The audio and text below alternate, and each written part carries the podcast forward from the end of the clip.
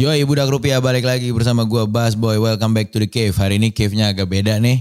Kita hari ini lesehan, lebih nyantai karena kemarin kan weekend baru dihujanin festival. Kita semua penuh dengan keriaan, menghambur-hamburkan uang juga kan di situ. Hari ini kita nyantai-nyantai dulu istirahat karena topik yang mau kita bahas hari ini lumayan bikin deg-degan nih. Jadi duduknya kalau bisa buat lo yang nonton lebih nyantai dulu ya kan, lebih Santai dulu. prepare dulu. Hari ini kita kedatangan seorang yang jago apa ya gue bisa bilang ya, piawai memainkan money and time karena time is money, money is time. Money is Please time. welcome Raymond Chin. Thank you, thanks for having me. Yes, Hari ini man. kita topiknya eh gue nggak mau terlalu serius-serius banget sebenarnya ya. Yoi, yoi, Cuma yoi. kan eh, diminta buat kayak ini eh, orang pada bingung kan ya ini sebenarnya ekonomi lagi gimana, Yoi, terus kayak gimana, terus kayak gue juga banyak ditanyain, gue masih ngapain sekarang, gue masih taruh di mana? Soalnya kan secara kan gue eh, sekarang kan posisinya CEO ternak uang. Ya, Orang kira kayak oh eh, lu kalau di dunia finance ekonomi itu lu kayak cenayang. Kalau bisa tahu gitu kapan ini bakal crash, bakal apa gitu. Yeah. Jadi kayak ya gitulah. Jadi kayak harus dibawa santai tapi menurut gua orang harus hati-hati sih sama topik ini sih. yes, yes, yes. Makanya ini kan tadi sebenarnya gue tadi di awal nakut-nakutin yang nonton doang. Biar mereka lebih kayak engage aja dulu sama tontonannya nih. Ya Gitu boleh, kan. boleh, boleh. Itu strategi gue juga sih kalau konten. nah ini kan sekarang bisa kita lihat as we know kita banyak dengar di media di mana-mana ada istilah ntar lagi kita akan menghadapi resesi ekonomi. Mungkin udah mulai tapi belum puncaknya mungkin gitu. Resesi, resesi, resesi. Pertama hal yang paling basic gue tanya dulu sama lo mungkin banyak penonton kita yang selama ini cuma tahu kata resesi karena populer di media. Ya. Sebenarnya nggak tahu sendiri definisi. Definisi Yeah. resesi ekonomi itu sebenarnya apa sih men? Intinya gini ya, eh, gue gue mau pakai bahasa simpel mungkin ya, buat Yoi. kayak buat semua yang nonton ya. Intinya eh, sekarang bukan yang mau nakut-nakutin, sebenarnya tadi di awal bukan clickbait ya, tapi kalau misalnya gue bilang ke teman gue, kalau lu nggak mau miskin di tahun ini atau tahun depan atau tahun depannya lagi, Yes. lu better siap-siap. Oke. Karena orang cuma di luar mikirnya kayak se- resesi, oh inflasi dan lain-lain. Oh ya udahlah Indo nggak kena dan lain-lain. Tapi orang nggak tahu aja sebenarnya dampak ekonomi. Ekonomi itu kayak gini. Ekonomi itu sebenarnya kayak uh, konsep ekonomi itu uang perputaran uang. Yes. Uang tuh harus muter. Ada Yes. domino-dominonya gitu. Tapi Yes. sekali satu jatuh, Semua berantakan. semua bisa berantakan. Dan puncaknya tuh menurut gua belum sekarang, tapi udah mulai kelihatan nih beberapa negara. Jadi menurut gua nih ya kalau resesi ya, kalau uh, ekonomi lagi lusuh, lu pada tuh harus siap-siap. Siap-siap itu kayak gini nih. Menurut gua lebih baik lu kalau sebagai individual, Hmm. lu prepare for the worst, Mhm. ya. Walaupun nggak, walaupun bisa bisa jadi nggak terjadi nih. Ya. Lu tetap prepare for the worst, lu tetap harus lu lakuin gitu. Yoi. Resesi itu takutnya nih ya, implikasi yang paling parah ya. Banyak pengangguran, Benar. ya kan? Orang udah mulai nih kelihatan wave layoff layoff, Benar, benar. ya kan? Nanti bakal ada eh, harga mulai naik semuanya. Ini harga udah mulai naik-naik nih semua. Iya, Bensin iya. naik. Ya, orang belum tahu ini puncak atau enggak. Cabai loh. naik. Cabai naik. Semua bensin naik ini. Semuanya subsidi udah mulai ditarik-tarik Yes. gitu kan. Terus nanti eh ya pokoknya bakal bakal susah gitu sebenarnya resesi Pasti. buat orang buat orang tuh tapi yang gua bingung Hmm. ini kan udah mulai bau-baunya begitu kan. Hmm. Tapi kalau gue nanya orang-orang gue di sekitar gue, lu udah plan apa nggak gitu buat buat ini gitu gue bilang. Oh enggak, ya paling sekarang kayak ya save-save dikit gitu. Tapi Hmm. kesannya kayak orang tuh nggak tahu sebenarnya the real recession itu dampaknya gimana buat mereka. Hmm. Jadi intinya orang harus hati-hati sekarang sih. Hmm, hmm, hmm. Nah sekarang kita akan langsung bahas kali ya ke hati-hatinya nih. Oke ini kan bisa kita lihat mungkin orang awam pun juga. Begitupun gue gitu. Karena kan gue dalam hal-hal financial things kayak gini juga masih awam. Bisa gue bilang ya I'm not bad but not that good juga ya Yeah. gitu. Dalam nge-manage financial dan lain-lain lah gitu maksud gue. Yeah. Untuk investment dan lain-lain. Kita kan tahu kemarin dunia covid. Hmm. Dari situ udah kelihatan gitu mata telanjang emang bisnis ekonomi di mana-mana berantakan. Hmm. Itu kan salah satu faktor. Ya. Faktor besar lagi. Hmm. Ditambah sekarang mungkin ada banyak isu di dunia, baik isu politik maupun isu apa pun yang makin memperburuk keadaan. Ya. Nah, kita kan harus siap-siap tadi lo bilang. Hmm. Siap-siap itu kalau dalam kacamata individu nih buat perorangan dulu deh. Mungkin buat teman-teman yang nonton kan masih muda-muda belum pada berkeluarga. Nah itu tuh kira-kira buat anak muda itu apa sih siap-siap yang harus dilakuin? Ini menurut gue ya, ini menurut gue harusnya ya, 100% yang nonton podcast ini, Ya, checklist ini tuh lu harus lakuin kalau lu gak mau miskin. oke, mandatory Kalau nih, mandatory. Menurut gue mandatory. Menurut Yes. gue ya, menurut gue. Nomor satu, you lu, lu gak bakal tahu what's gonna happen gitu loh. Lu gak bakal tahu tiba-tiba lu bakal ada eh, kerjaan bagus, bisnisnya turun, naik turun, lu gak bakal tahu. Jadi nomor satu tuh lu harus siapin dana darurat. Dana darurat. Nah, gue gua nanya banyak teman gue tuh dana darurat aja orang nggak siapin. Gue nyiapin pak itu pak. Ya, Pak. Oke, bagus. Ada checklist satu oke nih. Nyiapin Dana darurat tuh intinya gini. Aman-aman gue. Kalau lu lu tuh misalnya lu hidup ya, eh, sebulan tuh misalnya lu butuh 5 juta, anggap kayak gitu ya. Expense ya. Expense, expense pengeluaran gitu, lu butuh 5 juta. Jadi amit-amitnya dana darurat tuh situasinya kayak gini, anggap lu nggak bakal ada income lagi.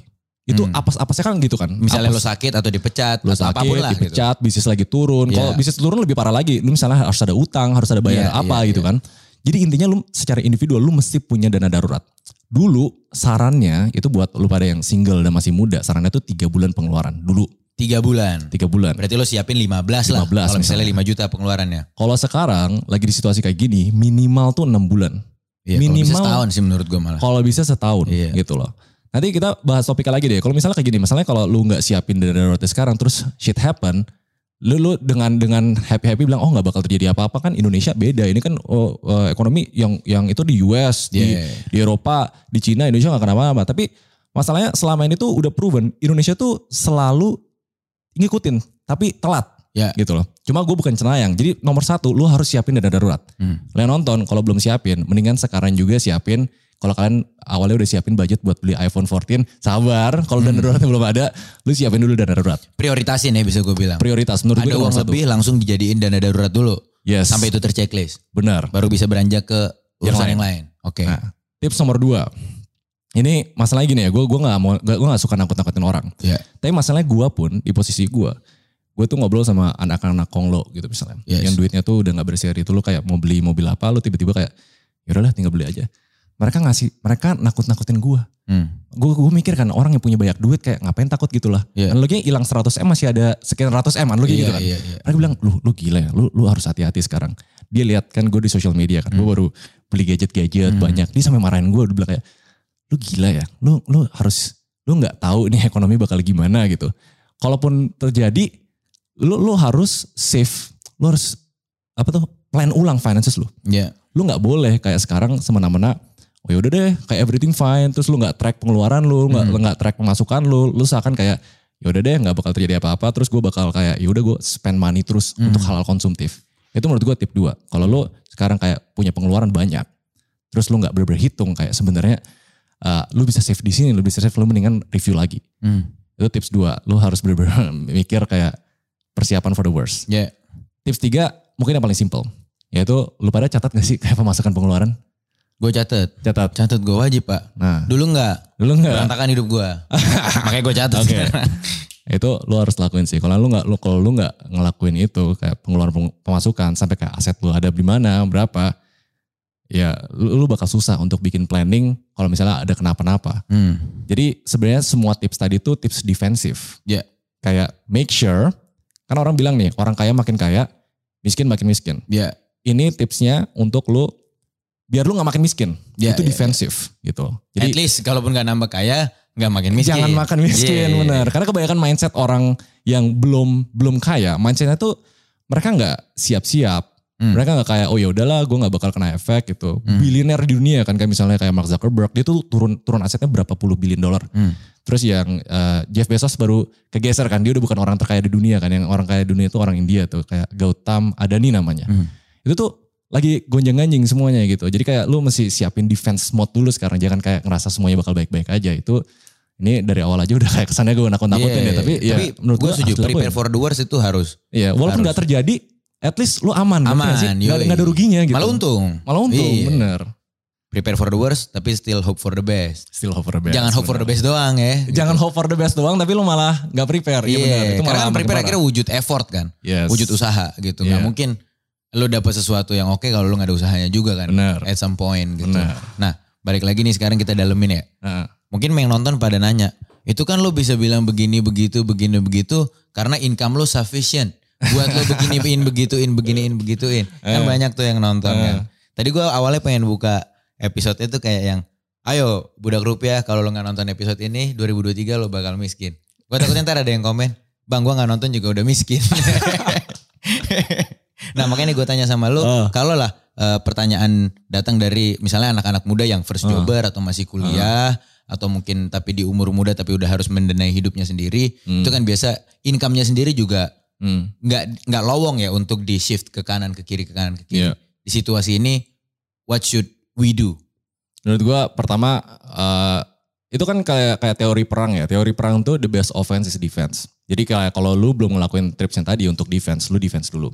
Hmm. Nah kalau lu udah selesai defense, lu udah siapin pertahanan, baru lu mikirin offense-nya. Oke. Nah kebanyakan orang tuh sekarang kayak gimana ya? Eh Sebenarnya gue agak kesel juga sih sama netizen sih. Dia bilang kayak gini, bang gue ada kerjaan nih 9 sampai 5 gitu misalnya. Terus kayak gaji gue oke-oke aja gitu. Tapi capek gitu. Tapi gue mau income lebih nih. Gue gue pengen kayak bisa punya income berapa berapa. Terus gue bilang oke terus lo abis balik kerja lu ngapain? Ya nyantai bang healing. Yeah. Ya Netflixan gitu Iya. misalnya. Terus kayak jadi kayak mindsetnya tuh masih stuck di sana. Yeah. Tapi untuk banyak orang, misalnya kalau lu, apalagi lu udah eh, sandwich nih misalnya, Iya. apalagi lu kayak eh, income-nya belum stabil atau lu, Iya. lu ngerasa kayak tagihannya belum ketutup semua. Yeah. Yang lu perlu lakuin sekarang itu justru ya lu harus sadar diri, lu alokasi lah misalnya dua jam, tiga jam sehari, lu ngelakuin sesuatu yang bisa sediain side income. Oke. Karena semua financial advisor di dunia, semua yang kaya, even yang paling kaya pun, mereka bilang kayak gini, lu tuh nggak boleh bergantung ke satu sumber income doang Yes, harus ada side hustle. harus ada side. Side itu banyak bentuknya. Yes. Lu kalau misalnya sesimpel uh, investasi misalnya, Ya. ya kan? Misalnya itu kan itu pasif tuh, lu bisa Ya. kembaliin uang lu. Lu punya bisnis uh, dropshipping gitu Ya. misalnya, atau lu freelance, gig ekonomi. Adik gua cuma modal depan komputer bisa kayak berapa puluh juta gitu misalnya. Iya, iya. Kalau itu udah pasti banyak dilakuin sama gua sama anak-anak di sini juga Nah. kan gitu untuk nge-freelance. Nah itu mindsetnya tuh belum ketanam menurut gua. Yes. Kalau lu uh, lu nggak kalau lu misalnya udah kerja terus nggak mau eksplor yang lain ya nanti selamanya jadi budak rupiah dong. Yeah. Jadi saran gue sih sebenarnya lu ini saat yang tepat buat lu coba explore jangan kayak leha-leha hilin doang lu harus cari sesuatu yang lu bisa grow gitu misalnya. Yes, yes. Kalau sa- dapat salah satu financial advice yang baik lah dari salah satu teman deket gua Hmm. waktu di saat itu pandemi awal-awal dan gue juga nggak ada money spare to invest kan gitu. Hmm. Salah satu financial advice adalah invest tuh nggak harus selalu berupa ekonomi. Hmm. Lo juga bisa invest beli buku, baca buku. Benar. Lu misalnya ada budget lebih, lu les Iya. atau lu olahraga itu kan salah satu bentuk investasi gitu. Iya. Jadi ya menurut gua kalau temen-temen yang masih ketahan di income, investnya bisa lo ganti ke wujud ke diri lo gitu loh maksud gua. Benar. In- investasi terbaik tuh mau gimana pun tetap ilmu. Yes. tetap lu lu uh, masalah gini deh, lu lu punya banyak duit, terus kayak lu uh, misalnya tiba-tiba bangkrut, ya kan? Duit itu tuh lu bisa dapetin balik kalau lu punya ilmu gitu misalnya. Ya. Tapi kalau misalnya lu invest semuanya ke ke ya gak ada ilmu terus duit itu hilang, lu susah untuk dapetin itu balik. Lu harus invest di ilmu gitu misalnya.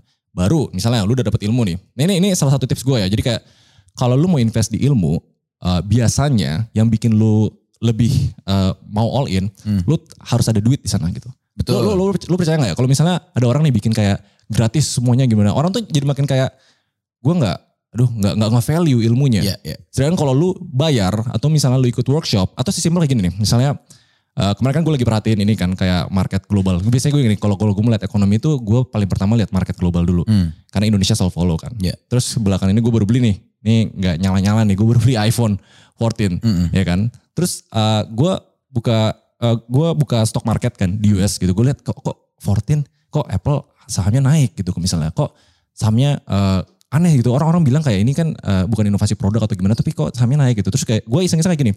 Kalau gue tiba-tiba kayak taruh duit, misal gue taruh seribu dolar atau gue taruh berapa ribu dolar gitu misalnya Iya. di situ. Tiba-tiba gue lebih terdorong buat belajarin lagi. Oke, gue taruh, gue udah taruh duit gue nih misalnya.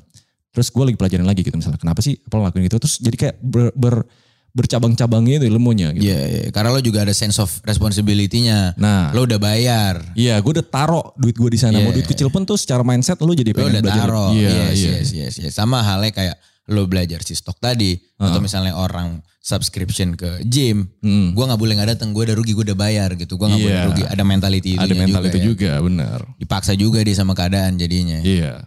Itu penting banget sih. Nah kan kita ngomongin ekonomi tadi memburuk. Dari tadi belum kita bahas. Tapi emang seburuk apa sih Pak?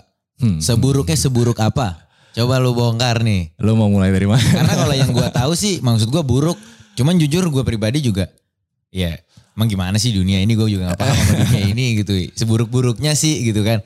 Nah kalau Iya. dari lu nih yang beneran memantau Hmm. setiap pergerakan ekonomi ini tuh seburuk apa sih sekarang? Lu mau mulai dari mana nih lihat ya? Ada ada topik pertama kayak kita mulai dari pandemi nih, ya kan? Oke. Inflasi, duit kebanyakan. Terus sekarang tightening gitu. Terus tiba-tiba tech stock eh, kayak perusahaan-perusahaan tech tiba-tiba crash VC, semuanya startup crash. Habis itu udah perang.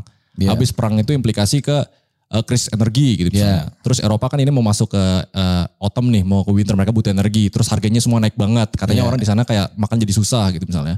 Terus jadi wah banyak sih ekonomi. Jadi kayak lama-lama tuh beruntun semua. Itu menurut gue ekonomi kalau misalnya ada satu satu uang yang nggak berputar di rodanya itu, itu Semuanya jadi kayak lingkaran setan Iya. gitu misalnya. Ya sesimpel itu aja gitu. Kalau menurut gue eh, lu masih aware. Nah, Orang kan melihatnya kayak gini kan. eh, ah Indonesia belum tentu kena gitu misalnya. Hmm. Tapi mau nggak mau Indonesia tuh selalu kayak jadi kayak eh, negara yang follow terakhir gitu misalnya. Mm, Bukan terakhir lah, pokoknya telat gitu. Tapi Hmm. biasanya selalu ngikutin gitu misalnya. Biasanya kalau puncak dari puncaknya ekonomi, kalau lu mau tahu crash atau enggak, biasanya tuh orang ngelihatnya dari housing crisis. Housing crisis. Housing krisis crisis. perumahan. Rumah, iya. Iya. Jadi kayak kalau misalnya itu pop, itu puncaknya gitu. Hmm. Nah sekarang kita udah lihat nih di beberapa negara nih, China udah mulai, China udah gitu. Hmm. US lagi nyusul nih. Hmm. Housing Nah. pop itu seperti apa sih sebenarnya? Karena gue sendiri juga masih yang kurang Jadi dapat gambaran jelas tentang housing pop itu what it actually is. eh, simpelnya tuh kayak gini ya. Coba deh, lu lu bayangin deh dalam hidup lu ya. Pembelian terbesar, termahal, yang cicilannya paling lama dalam hidup lu tuh bakal apa? Rumah. Rumah, Iya. bener kan? Itu jadi salah satu yang lu kayak eh, invest banyak gitu kan. Iya, iya, iya. Housing pop tuh kayak gini, kayak dulu pas marketnya oke-oke aja, semua orang kayak orang-orang kaya, orang-orang itu semuanya tuh beli. Kayak beli rumah, beli rumah Yes, semuanya gitu yes, kan. yes. Harga naik, harga naik, harga naik, harga naik gitu misalnya. Jadi kayak harganya udah kemahalan. Ya kita sekarang realistis aja, bagi kita-kita tuh ngerasa sekarang rumah tuh udah mahal banget. Mahal Gimana caranya gue bisa Apalagi Jakarta.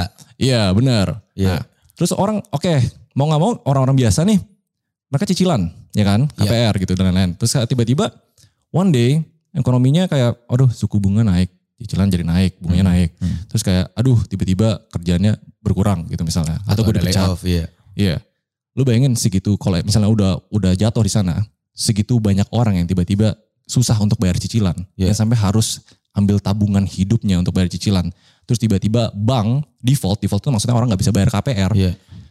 Berapa banyak uang dan properti peredaran yang tiba-tiba kayak nggak bisa dibayar, terus kayak nggak ada ownernya, terus tiba-tiba harganya anjlok. Nah biasanya itu puncaknya. Hmm. Karena ya eh, posisi orang di dalam housing itu biasanya porsi paling gede dalam hidupnya Hmm, hmm. dan banyak kasusnya yang uh, bikin uh, itu bikin kayak gila hidup gue tuh berantakan gara-gara gue nggak bisa bayar rumah gue sampai mereka dikeluarin dari rumahnya gitu biasanya kenapa itu puncaknya karena itu karena itu biasanya investasi tergede untuk secara nilai untuk individual orang-orang gitu. Yes. jadi putarannya di sana terus gitu Oke oke rumah nih sekarang ya gak usah jauh-jauh di luar negeri di China kita juga sendiri di ke Jakarta ngerasain ya harga properti nggak make sense banget gitu Benar. bisa kita bilang kan. naiknya udah nggak ngejar sama gaji kan Yes, ditambah maksud gua lumayan. Gua nggak tahu eh gua nangkep ini dari dulu pelajaran di SMA tuh ada kan Hmm. kalau pembangunan kota tuh kan ring pertama sampai ring tergede tuh. Mm-mm, Sedangkan kalau di Jakarta tuh gua ngerasa kebalik. Orang pendapatan tinggi tinggalnya di tengah kota. mm, mm. Orang berpendapatan makin kecil makin ke pinggir. iya Sedangkan dia aja udah tinggal di pinggir, gajinya udah habis diongkos kan gitu. iya Kita pikir-pikir. Jadi memang bener- lingkaran lagi kan jadi Lingkaran kan setan lagi lingkaran gitu. setan lagi kan memang harus siap-siap sih selalu. Iya kayak lu benar. bilang gitu. Harus siap-siap banget sekarang. Jadi tapi gini, eh, menurut gue ya, eh, ekonomi kayak gini tuh nggak nggak semuanya jelek, Oke. nggak semuanya jelek. For Apa sisi example, positifnya cuy dari sini? sisi positifnya, positifnya nih, kalau lu bisa prediksi, bukan prediksi lah, nggak ada yang bisa prediksi lah. Iya. Kalau lu bisa kayak antisipasi, seandainya ini market crash atau gimana, dan lu udah siap, lu udah defend, lu punya amunisi, orang yang investasi mau di bisnis, di rising industry atau di saham deh, let's say yang Hmm. paling itu itu tuh gainnya jauh lebih gede dibanding pas lu nggak resesi. Hmm, kalau Mas gimana Mas? Emas tuh gue punya konsep kayak gini ya, emas itu bakal bikin lu selalu tetap kaya. Jadi gini, tetap tetap kaya tuh kayak gini. eh, lu misalnya punya kekayaan, sekarang lu bisa beli rumah. Lu Ya. taruh semuanya di emas, 10 tahun lagi lu tetap bisa beli rumah. Ngerti gak? Oke, tetap tapi nggak jadi, tapi nggak bisa jadi beli roket gitu ya? Biasanya kayak gitu Iya, kasusnya. iya. Tapi Lindung kalau- nilai berarti dia. Eh, sebe- lebih ke untuk melindungi itu kalau uh, opini pribadi gue. Iya, iya, Tapi iya. kalau lu mau bener-bener kayak sekarang lu bisa beli rumah nih. Tapi wah opportunity lagi gila banget nih. Oke. Oke. sih. Gue taruh di saham dia. Itu kan orang paling gampang relate kan. Gue taruh di saham-saham yang bener-bener anjlok tapi bagus. 10 tahun lagi lu bisa beli 10 rumah. Hmm, hmm, Nah hmm. itu sebenarnya uh, sisi bagusnya. Kalau lu bener-bener bisa jadi satu persen ini uh, statistiknya uh, kira-kira kalau lu bisa jadi satu persen orang yang udah siapin itu semua, lu punya amunisi dan lu ber- siap hajar ke aset-aset yang bakal recover, lu bakal jadi orang kaya baru. Oke, oke. Nah itu yang menarik dari ekonomi ini sekarang. Menjadi one percenter tadi ya. Iya. Orang satu persen yang udah map apa ya mapan pasti iya gitu, tapi juga mapan secara ilmu untuk magerin dirinya, Iya. ngebentengin dirinya, Iya, terus ngelihat apa yang bakal recover dalam tempo waktu yang lebih singkat. benar. Di saat dunia mulai recover, karena kan ini kan wouldn't last forever ya. Iya, benar. Grafik kan pasti ada turun, ada naik. Oh iya, gue gak bakal nakut-nakutin ini kayak selamanya gitu. Enggak, Semua enggak, ekonomi itu ada siklusnya gitu. Pasti, pasti. Ini naik, gila, nanti bakal turun. Nanti Sama bakal kayak naik lagi gitu. ya orang kadang sakit, kadang sehat gitu Iya, kan. benar, benar. Nah di saat lo sakit kan bisa kita bilang kalau analoginya orang dia makan yang bergizi, olahraga Nah. yang cukup, tidur yang cukup. Waktu dia sakit, sakitnya juga nggak sakit-sakit banget. Waktu recover juga gres lagi gitu kan. Ya lu lu pernah ngerasa kan kalau misalnya lu sakit nih, pas lu sembuh tuh lu kayak ngerasa kayak anjir enak banget Yeah, badan gue gitu. yeah. Dibanding kalau misalnya lu kayak lagi sehat ya, biasa-biasa aja. biasa-biasa aja gitu. Nah kasusnya kalau gue sebenarnya eh, kalau lu punya luxury dan lu lu bisa belajar gitu ya. Kalau gue sih perhatiin global market dulu. Kalau mungkin teman-teman di sini yang nonton ya kayak bingung, gue harus invest ke mana nih apa gitu gituan. Kalau gue sih mungkin yang bisa nge-reflect eh, apa ya opportunity paling bagus buat lu invest di mana tuh lu lihat saham global Oke. biasanya. Karena kan kadang walaupun stock market itu atau kayak bursa saham itu nggak selalu satu banding satu sama ekonomi. Kayak kemarin lah, misalnya pas pandemi ekonomi boom, tapi kok stock market naik semua. Naik, iya. Kalau itu ada penjelasannya, itu karena tiba-tiba US kan keluarin banyak duit tuh. Mereka print, Cetak. print uang Cetak. dikasih orang gitu. Berharap kayak one day, oh ini orang eh, yang nggak mau keluar rumah biar tetap keluarin duit Yoi, gitu. spending. Biar ekonominya berputar Putar gitu. terus. Eh tapi banyak mereka taruh di stock market. Makanya kayak tiba-tiba dalam beberapa tahun terakhir ini kayak Indonesia specifically. Kemarin gue datang ke BUMN Startup Day. Mayoritas yang paling banyak di sana itu fintech. Karena kayak tiba-tiba milenial, Gen Z yang uh, lagi ada banyak uang. Indonesia termasuk tapi bukan bentuknya bentuknya kayak bukan dikasih duit. Indonesia tuh banyak subsidi loh. Subsidi, Lo subsidi. tau BBM sekarang itu mau harganya naik itu tetap disubsidi sebenarnya. Tetap belum yang kan? ditelanjangin Belum harga asli lah bisa lu kita tuh bilang. harusnya udah bayar BBM mahal dari tahun-tahun sebelumnya tapi ditahan terus sama APBN Iya, gitu iya, iya, iya. Jadi balik lagi topiknya kalau lu mau simple kayak mau tahu invest di mana, eh, eh, opportunity gimana, kayak kapan lu bisa cari jadi kayaknya, Yes. gue sih lihat global market dulu Oke. biasanya. Yang tadi kan gue mention kan, gue lihat eh, aplikasi. Tadi kan gue lewat ini nih, ini nih, ini gue dari HP gue nih. Kayak gue kemarin perhatiin nih soal Apple nih, kenapa dia eh, pas Naik. Gue sih nggak suka ya iPhone 14 nya kayak iPhone 14 nya kayak B aja, 14 Pro nya oke lah gitu. Terus gue ngeliat kok saham Apple-nya eh, pas eh, itu bisa naik gitu. Hmm. Nah, gue gua gue pakai aplikasi GoTrade lah basically. Jadi kalau lu lihat saham global, kalau lu lihat kayak Elon Musk, Tesla, Yes, yes. kenapa mereka tetap dia tetap orang terkaya nomor satu kan di dunia kan. Yes. Jadi kalau lu mau perhatiin semuanya itu biasanya kalau gue saham global tuh lewat GoTrade, Go trade. GoTrade. Atau buat teman-teman bisa download tuh aplikasinya tuh. Go trade. Tapi beneran itu serius. Kalau lu lu perhatiin global market, gue sih biasanya lihat opportunity-nya di global stocks dulu. Baru nanti lama-lama reflect di stock market di negara-negara lain gitu. Di lokal. Hmm. Yang localized Iya. market. Ya kita liatin aja si siapa tuh namanya Eh, orang terkaya kedua di Ya, dunia. ya. Kenapa tiba-tiba dia bisa nyalip ya? Kan ekonomi itu aneh ya kayak krisis energi kan udah paling disorotnya. Hmm. Si Gautam Adani ini dia tuh pintar. Dia pas lagi siklusnya energi lagi eh, lagi krisis, Hmm. perusahaan dia kan perusahaan energi, tapi dia fokus banyak ke ESG. Dia Apa fokus ke eh, renewable energy. Oke. Jadi kayak jadi nggak bukan kayak fosil atau gimana gitu. Atau batu bara. Iya Ya, gitu. green, Tadi green energy. dia lebih fokus ke sana gitu. Terus tiba-tiba naik kalau saya. Tiba-tiba dia jadi orang kaya di dunia, orang terkaya kedua di dunia. Nah menurut gua itu hal-hal atau kayak opportunity yang lu bisa explore. Hmm. Jadi kayak tapi gitu-gitu kan lu harus belajar kan, lu harus peka kan. Yes. Kira-kira pas let's say di Indonesia lu mau buka bisnis di bisnis apa yang paling cepat buat naik atau bisnis apa yang kira-kira jadi opportunity. Yes. Misalnya kayak gue nih, kemarin kan rame kasus Biorka nih. Ya. Ya gue tiba-tiba, oh anjir ini semua orang jadi bahas cyber security nih. Iya. Akhirnya gue invest. Lo bikin jadi hacker.id. Gue jadi hacker gitu Iya. misalnya. Jadi hal-hal kayak gitu tuh menurut gue, kalau lu nggak percaya statement gue, cek di setiap resesi, setiap global uh, ekonomi lagi bermasalah. Selalu ada orang kaya baru. Selalu ada orang kaya baru gitu. Tapi pertama pastiin lu nggak jadi orang miskin dulu. gitu, Iya, ngerti iya, nggak? iya, Nah, iya. Nah, panjang banget nih gue ngobrol dari tadi. Bener bener tapi itu gue setuju tuh. Pastiin dulu kita nggak akan berkurang lah seenggaknya, nggak makin Iya. parah. Baru mikirin ofensifnya. Iya benar. Kayak gitu Iya, kira-kira iya, iya. posisi ekonomi sekarang gitu.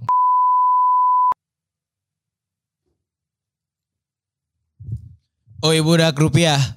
Gue mau ngingetin nih, jangan lupa untuk follow Instagram Volix di @volix.media. Terus jangan lupa like, komen, subscribe juga video-video dan channel YouTube kita di Volix Media. Dan kalau lo udah ngelakuin itu semua, baru kita lanjut lagi di nonton podcastnya, oke? Dah.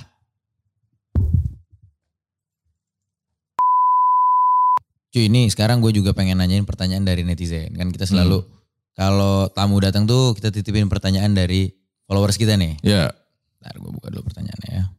ya gue penasaran sih kayak yang nonton ini tuh kayak seberapa aware ya tentang soal ekonomi ya. Oke, So- ah, oke. Mana? ini pertanyaan dari Ed Jojiwe. Oke. How do you feel today based on investment? Oh, boncos. nah, nah, jadi begini, jadi kayak di baru di kalau di awal tahun sih gue banyak cuan ya, nggak kayak dari saham berapa ratus ada, dari kripto berapa ratus ada, tapi kayak ya siklus lah, lu nggak bisa expect buat menang terus lah. Tapi sekarang eh, karena gue udah mulai eh, defensif, gue kebanyakan tuh pegang cash. Cash. Iya, biasanya kan eh, sebelum itu kayak berapa M di saham, eh, berapa di kripto gitu. Sekarang Iya. tuh gue lebih banyak cash karena gue kayak lebih main defensif gitu. Iya, iya. Tapi kalau misalnya kayak saham-saham, again ini kan gue lagi mau ngikutin uh, global economy nih. Iya. Untuk saham-saham yang menurut gue perusahaan yang bagus, mau gimana pun ya, misalnya kayak Apple tuh gue gak suka produk launchnya, tapi secara strategi perusahaannya itu bagus. Yes. Nah itu gue tetap invested, walaupun porsinya kecil. Jadi kan kayak tadi tuh gue tetap beli terus saham Apple. Mhm. Kalau dia turun, dia naik, itu namanya strategi dollar cost averaging. Mhm. Jadi kalau lu tahu perusahaan jangka panjang itu bakal naik terus, ya gue bakal feel good. Kalau ya gue taruh aja terus, taruh aja terus. Karena gue ngeliatnya 5 tahun, Yes. 10 tahun ke depan. Lo gitu. pede lah sama porto nih perusahaan. Iya, iya, iya. iya. As an entity lo tahu dia bakal striving Hmm. for a long period of time. Gak Iya. cuma sekarang juga gitu. Gue sih percaya Apple ya. Mungkin kalaupun lagi ada turun dia akan bisa segera nge-counter ke atasnya gitu. Lo percaya sama perusahaan ya. Iya, tapi menurut gue malah diskon. Kayak ya udah gue beli aja terus gitu misalnya. Iya. Jadi ya how I feel ya. Sekarang good, defensif gitu misalnya. Hmm. Nah mungkin kalau yang nanya kayak gitu tuh ya. Biasanya either karena dia udah terlalu all in. Ya dia udah taruh kebanyakan ya. Iya, Di saham dia udah taruh kebanyakan nih di kripto. Tiba-tiba boncos baru dia deg-degan. Iya. Nah itu itu strategi penting tuh. Kalau lu nggak belum ngatur portfolio management atau portfolio allocation. Kalau lu masih salah satu tipe orang yang kayak lu taruh di kripto nih misalnya koin apa 80% tabungan lu. Mana ya, lu tobat dulu mendingan. Hmm. Iya benar. Atau kalau lu bakal setiap hari tuh ngerasa deg-degan Iya, gitu. iya. Jatuhnya tuh bukan bukan pengen investasi ya, tapi pengen pengen Itu kayak berubah- gambling bos. kayak pengen ngerubah nasib gitu loh. Iya. Jatuhnya apa ya spekulasi gitu. Kayak spekulasi bener. Jatuhnya gambling. Jatuhnya Iya. kayak mirip gambling. Kalau misalnya lu cuma main taro banyak duit lu tapi lu kayak tebak-tebakan dia bisa naik bisa turun gitu. Iya, Gimana kalau gitu. sekalinya naik lo menang besar, Iya. sekalinya turun lo berantakan. Itu kan gambling ya jatuhnya. Nah, oh, kalau kita kalau lu pada dengerin dari awal sampai akhir, lu saran gua sebenarnya lu lu nggak bisa afford untuk lu segitu banyak sekarang. Saran Hmm. gua lu harus lebih defensif, lu taruh yang emang uh, lu yakin atau kayak lebih big caps. Ya. Big caps itu uh, saham yang market capnya gede. Ya. Kalau di Indo kan ada beberapa tuh bank-bank. Kalau di luar negeri tuh adalah kategorinya kalau di luar negeri tuh di, di aplikasi GoTrade kan ada tuh kayak Apple, Tesla, pokoknya gede-gede semua gitu. Jadi Yes. kayak itu biasanya relatif lebih aman dibanding lu invest di uh, yang kecil-kecil atau Emerging, yang ya. micin-micin gitu Emerging. misalnya. Iya, iya, iya. Sama kayak koin juga yang koin yang micin-micin. Iya. Berharap kaliannya jadi ngebesar odds-nya gitu kan. Iya, tapi ya cepat kaya, cepat miskin juga, Bos. Benar, benar, benar, Nah. benar. Gitu mah sama aja kayak main slot ya kalau begitu main ya. slot. Ngapain main kripto kalau Ngapain main begitu, kripto. ngapain main saham kalau begitu. Iya. Nah kalau emas nih menurut lu medium kalau menurut gue ya gitu beberapa karena memang lagi ngelihat zaman kayak begini gue juga juga memang yang paling banyak gue alokasiin juga sekarang cash. Mm-mm. Sekarang lihat kayaknya lagi nggak stabil lah gitu. Mm. Walaupun gue tadi belum secerah lu ngelihat setidak stabil apa dunia intinya kan kita bisa ngerasa ya ini kayaknya lagi gawat nih gitu. Mm. Gue banyakannya cash sama at least emas gitu. Mm. Emas menurut lu cocok gak untuk dialokasiin? Emas tuh sebenarnya dari dulu sampai sekarang kenapa dia punya nama safe haven? Iya. Safe haven itu kayak mau gimana pun ya ya dia nggak bakal kayak anjlok banget, nggak bakal naik banget sebenarnya gitu. Hmm. Kalau buat gua emas itu buat menjaga kekayaan sebenarnya. Menjaga kekayaan. Menjaga. Ya, lu kaya sekarang gitu misalnya dengan emas lu bakal kaya nanti Hmm. gitu loh. Jadi ya it's a good defensive investment decision. Hmm. Tapi kalau sekarang gua ada beberapa analis ya, gue baca dari Bloomberg sama Wall Street ya, ada yang udah mulai ngerasa mereka mau cabut eh, title safe haven dari emas. Hmm. Gue nggak, gue belum baca detail banget tuh. Hmm. Tapi intinya kan memang eh, resesi yang ini tuh beda intinya. Ini tuh beda dibanding yang 2008. Ini beda dibanding yang eh, sebelum-sebelumnya gitu. Jadi kayak orang tuh sekarang masih nggak bisa prediksi mana sih sebenarnya tempat paling aman gitu. Hmm. Kalau bilang tempat paling aman, yang pasti gue pun nggak tahu gitu. Hmm. Jadi kalau misalnya taruh cash pun ya cash segitu-segitu. Tapi kan inflasi bikin kita makin miskin kalau cash gitu kan. Tapi gini strateginya gini. Kalau lu memang belum tahu nih misalnya kayak uh, mana lu mau taruh duitnya ke mana gitu misalnya. Uh, bagus memang taruh di kalau saran gue ada beberapa yang lebih defensif itu bagus gitu. Tapi kalau misalnya lu udah kepikiran nih sekarang lu mau bikin bisnis apa, Hmm. lu mau kayak taruh di mana, cash itu lebih bagus. Karena cash itu liquid banget kan. Seandainya lu punya ide misalnya, uh, tahu-tahu resesi, tahu-tahu semua orang anggap uh, butuh yang namanya jasa apa gitu misalnya. Yeah. Tiba-tiba misalnya cash itu langsung ready gitu. Lo Jadi jadi kayak ada modal kerja langsung. lu gitu. langsung ada modal. Jadi Iya. tujuannya cash itu sebenarnya uh, biar lu liquid gitu. Lu iya, iya. tiba-tiba mau apa. Misalnya market nih crash banget nih. Terus udah ngobrol sama expert-expert yang lain. Kayak lu udah bilang kayak oke nih tetap uh, mau market cash mau gimana perusahaan ini bagus. Lu bisa hajar gitu misalnya. Jadi itu keuntungannya cash. Jadi makanya gue tetap sekarang sih cash paling gede. Paling, paling gede. gitu. Iya. Cash tetap yang paling gede. Iya. Karena di era di gua rangkum untuk lu harus cepet pindah-pindahinnya, yang paling cepet pindah itu udah pasti cash. Cash. Benar. Balik lagi nih, cashnya tuh kan banyak jenisnya. Ah. Rupiah, rupiah, yen. Menurut lu tuh aman nggak kalau kita megangnya rupiah? Gua ada di tiga mata uang ya. Uh, gua ada di USD, gua ada di rupiah. Eh enggak, gue baru jual sih itu. Eh gue cuma dua doang sekarang. USD sama rupiah. Rupiah. USD kan lagi naik banget tuh. Ya kan? lagi naik banget. Lagi naik banget. Kemarin baru gua jual tuh beberapa tuh. Nah jadi kayak sebenarnya tergantung, tergantung kalau lu emang pakai itu buat kayak hedging, emang buat investasi, lu masukin yang eh, USD sekarang naik banget, tapi kan gak ada yang tahu itu bakal naik sampai kapan, Hmm. bakal turun sampai kapan. Gue tetap ngerasa tetap lebih aman IDR kalau lu punya ide atau opportunity yang kira-kira lu mau hajar gitu lo pakai itu. Iya, iya, iya, iya, iya. Jadi lu nggak nggak nggak harus nyisiain waktu untuk nge-convert dulu lagi Iya. dan segala macam ya. Sih. lu lu nggak bisa prediksi kayak kursnya nanti bakal gimana. Kecuali kalau lu emang kerjaannya tiap hari itu kayak ekonomis, lu bener-bener kayak bisa tahu pergerakan ekonomi itu gimana. Gua pun nggak sedalam itu gitu. Mhm. Jadi gue tetap banyakkan cash rupiah. rupiah Gitu, iya. gitu ya. Straight cold truth. Cash, Rupiah. rupiah. Di bank, tapi gue nggak simpen di bawah tempat tidur ya. Iya, iya, jangan dong. Temen gue banyak yang kayak gitu cuy. Masih nyimpen cash keras. Cash keras. Gue gak, gue gak tahu tujuannya apa ya sebenarnya. Mungkin karena mereka gak percaya sama bank atau gimana. Tapi menurut gue lebih, gue lebih percaya taruh di bank dibanding kayak tiba-tiba dicolong sama orang gitu. Benar-benar kan security juga jadinya kita kok apa ya? Maksudnya kita jadinya harus kompromi security. Yes, benar. Ya mendingan kayak gitu, mendingan di bank aja. Bayar berapa kan ada potongannya tuh biasanya adminnya. Nah, Tapi nggak deg-degan gitu loh hidup seenggaknya kan. iya, gak ada dekan. Lu bayangin lu ke mana-mana bawa cash 5 juta di kantong gitu. Bawa 10 juta di kantong kan serem ya. Serem banget. Lu bayangin di teman gue ya di, di kamar tidurnya tuh masalah bukan berangkas. Kalau berangkas gue lebih ngerti lah. Di Iya. kamar tidurnya tuh ada lemari, Isinya cash doang. dibuka 140 juta.